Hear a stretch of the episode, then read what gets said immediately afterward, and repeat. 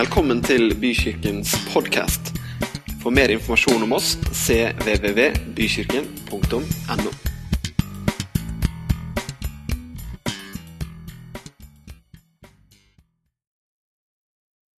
Dere, jeg har lyst til å dele noen ting med dere i dag.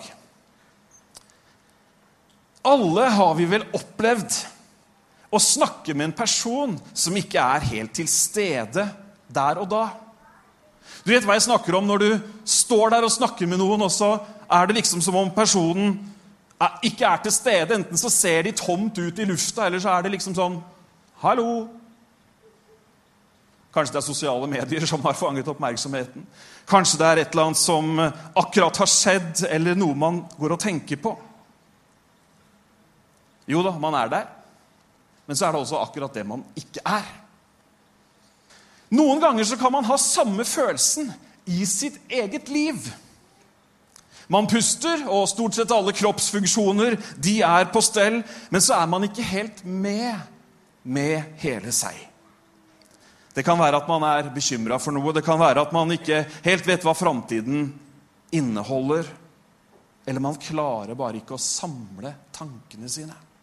Men dere har lyst til å si en ting til dere, og til alle dere som hører på. Vær til stede. Vær til stede i ditt eget liv. Det er du som skal leve ditt liv. Du er ikke et vedlegg i noen andre sitt liv. Du er deg, du er fantastisk. Du er skapt av en stor skaper, du er skapt til storhet. Lev livet ditt i lyset fra hans sol, og ikke i skyggen av alle andre. Det er ingen som lever helt for seg sjøl. Vi er skapt med en evne til å hjelpe hverandre, til å støtte hverandre og utfylle hverandre. Så man kan også være til stede i andre menneskers liv. I livet til de nærmeste familie. I livet til venner, på skole, jobb osv. Vær til stede. Bibelen sier til og med at vi skal bære hverandres byrder. Den sier også at vi skal legge vind på å gjøre det som er godt for alle mennesker. Vær en god venn som er til stede i andres liv. Jesus var til stede. Gud sendte sin sønn til verden for at han skulle være til stede. Ikke som en svevende, usynlig ånd, men som et menneske av kjøtt og blod. Gud ville være til stede. Han ville vise menneskene hvem han er. Når Jesus gikk rundt på, gikk rundt på jorda, så så vi hvordan Gud var. Når vi så hvordan Jesus møtte datidens mennesker, så så vi hva som var hjertet til Jesus. Vi så hvordan Gud er. Johannes, en av Jesus sine nærmeste venner, skriver om dette når han skriver i sitt evangelium. Og ordet ble menneske og tok bolig iblant oss. Og vi så hans herlighet. En herlighet som den enbårne sønn har fra sin far. Full av nåde, full av sannhet. Gud ønsker å være til stede i ditt liv. Et av de aller mest kjente Ibsen-sitatene er der hvor presten Brann sier Det du er, vær fullt og helt, ikke stykkevis og delt. Det handler om å være sann.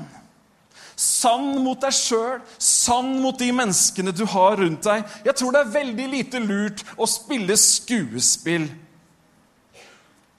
og innta ulike roller.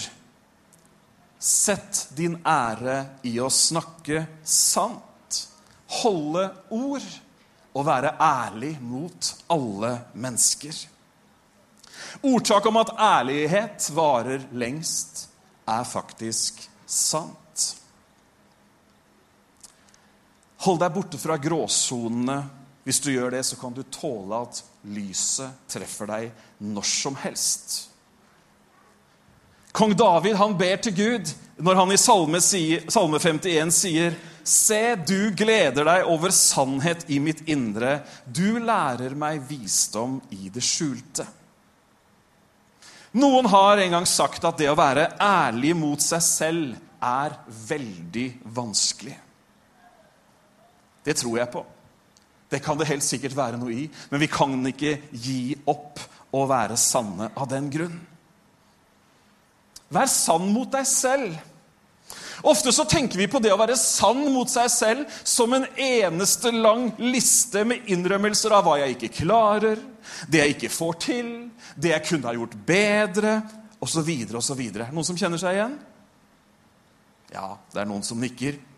Dette er jo til og med en liste som vi av og til får hjelp av andre rundt oss med å fylle ut. Vi ser oss i speilet av andres forventninger og sier oss selv noen sannhetens ord. Men da må jeg skynde meg å si at det speilet ikke nødvendigvis snakker sant. Å være sann mot seg selv handler selvfølgelig om å være ærlig med hvem man er, men det speilet som snakker sant, er Guds levende ord. Å ta inn over seg Guds egne ord om hvem du er, hvilken verdi du har, hvor fantastisk du er skapt, hvilket håp du har i troen på Jesus Kristus, det er å ta inn over seg sannheter om seg selv. Sannheter som vil være med på å prege hverdagen og være med på å prege perspektivet videre. Vær sann i ditt forhold til Gud. Gud vet hvordan det er å være menneske. Han er din far, og han tåler så inderlig vel deg akkurat sånn som du er. Han tåler å møte deg med din bagasje. Han tåler å møte mennesker i undring, i tvil, i nød. Han har nemlig skapt deg sånn som han har skapt alle mennesker. Apostelen Paulus han skriver til de troende som bodde i Efesus En gang var dere selv mørke, men nå i Herren er dere lys. Lev da som lysets barn. Lysets frukt er godhet, rettferd og sannhet. Prøv hva som er til glede for Herren. Ta ikke del i mørkets gjerninger, for de bærer ingen frukt. Avslør dem heller. Det siste jeg har på hjertet i dag, handler om å være trofast. Dette merkelige ordet som består av to ord, tro og fast. Ordenes mening de ligner være tro, være fast. Og sammen så er det som om de får dobbel tyngde og livsviktig betydning. Når du har en tro og står, står for den, da gjør du den fast. En overbevisning som du velger å stå ved. Dette tror jeg på, dette holder jeg fast ved. Kjære dere, vær trofaste. Det er så vanvittig mange inntrykk. Alle har så mange meninger. Samfunnet generaliserer. I dag er det vanlig at alle andre gjør, osv. Ikke la deg lede av siste trend. Ikke la omgivelsene rundt deg fortelle hvem du er, hva du skal tro på, hvordan du skal leve livet. Nei, våg å være trofast, våg å holde fast ved din tro. Vær trofast mot deg selv. Dine overbevisninger, de er dine. For en stund siden så leste jeg i avisa. Jeg har lest etter at jeg leste i avisa den gangen også. Det hørtes ut som det var den gangen jeg hadde lest i avisa. Men for en stund siden så leste jeg i avisa, og der sto det om denne dyden, får vi kalle det, godhet. Der sto det at denne dyden, godhet, var i ferd med å forsvinne. Og at stadig flere i samfunnet regna godhet som noe litt sånn dumt naivt. Det samme tenker mange om trofasthet. Men hør hva kong Salomo skrev om akkurat dette for 3000 år siden i ordspråkene i Bibelen.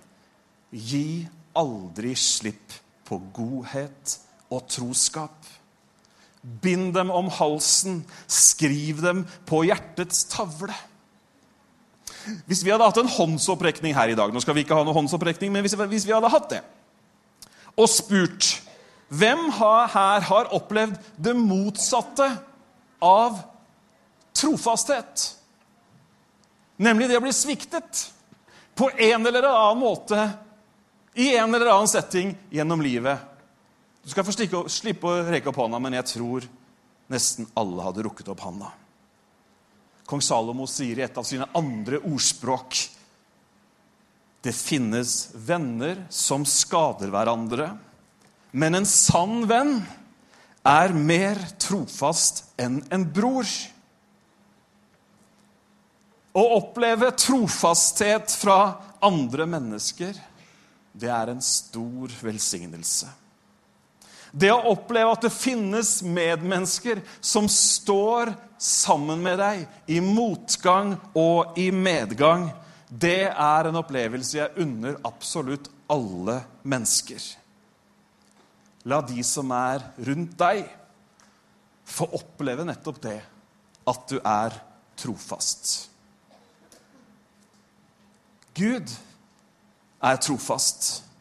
David, som har skrevet de fleste salmene i Bibelen, hadde virkelig erfart Guds trofasthet, og han formelig roper det ut. Din trofasthet når til skyene. Og han sier også litt tidligere i salmene, du er trofast mot den som er tro, og helhjertet mot den som er hel. At Gud er trofast, betyr at han holder det han lover.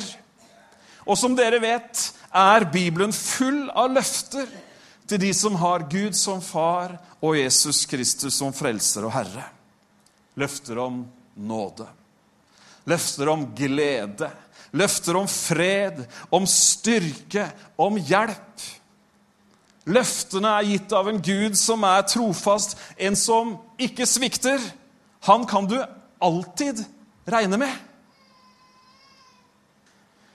Og så, da, til oss alle, også til de som har tilbakelagt mer enn 14 somre, og som ikke lenger kan telle hvor mange grå hår vi har. Det er heldigvis aldri for seint å ta fram det ungdommelige motet. Det motet som våger å være sann, det som våger å være til stede og det som våger å være trofast. Gud er til stede. Han er sannheten, og han er for alltid trofast. Amen.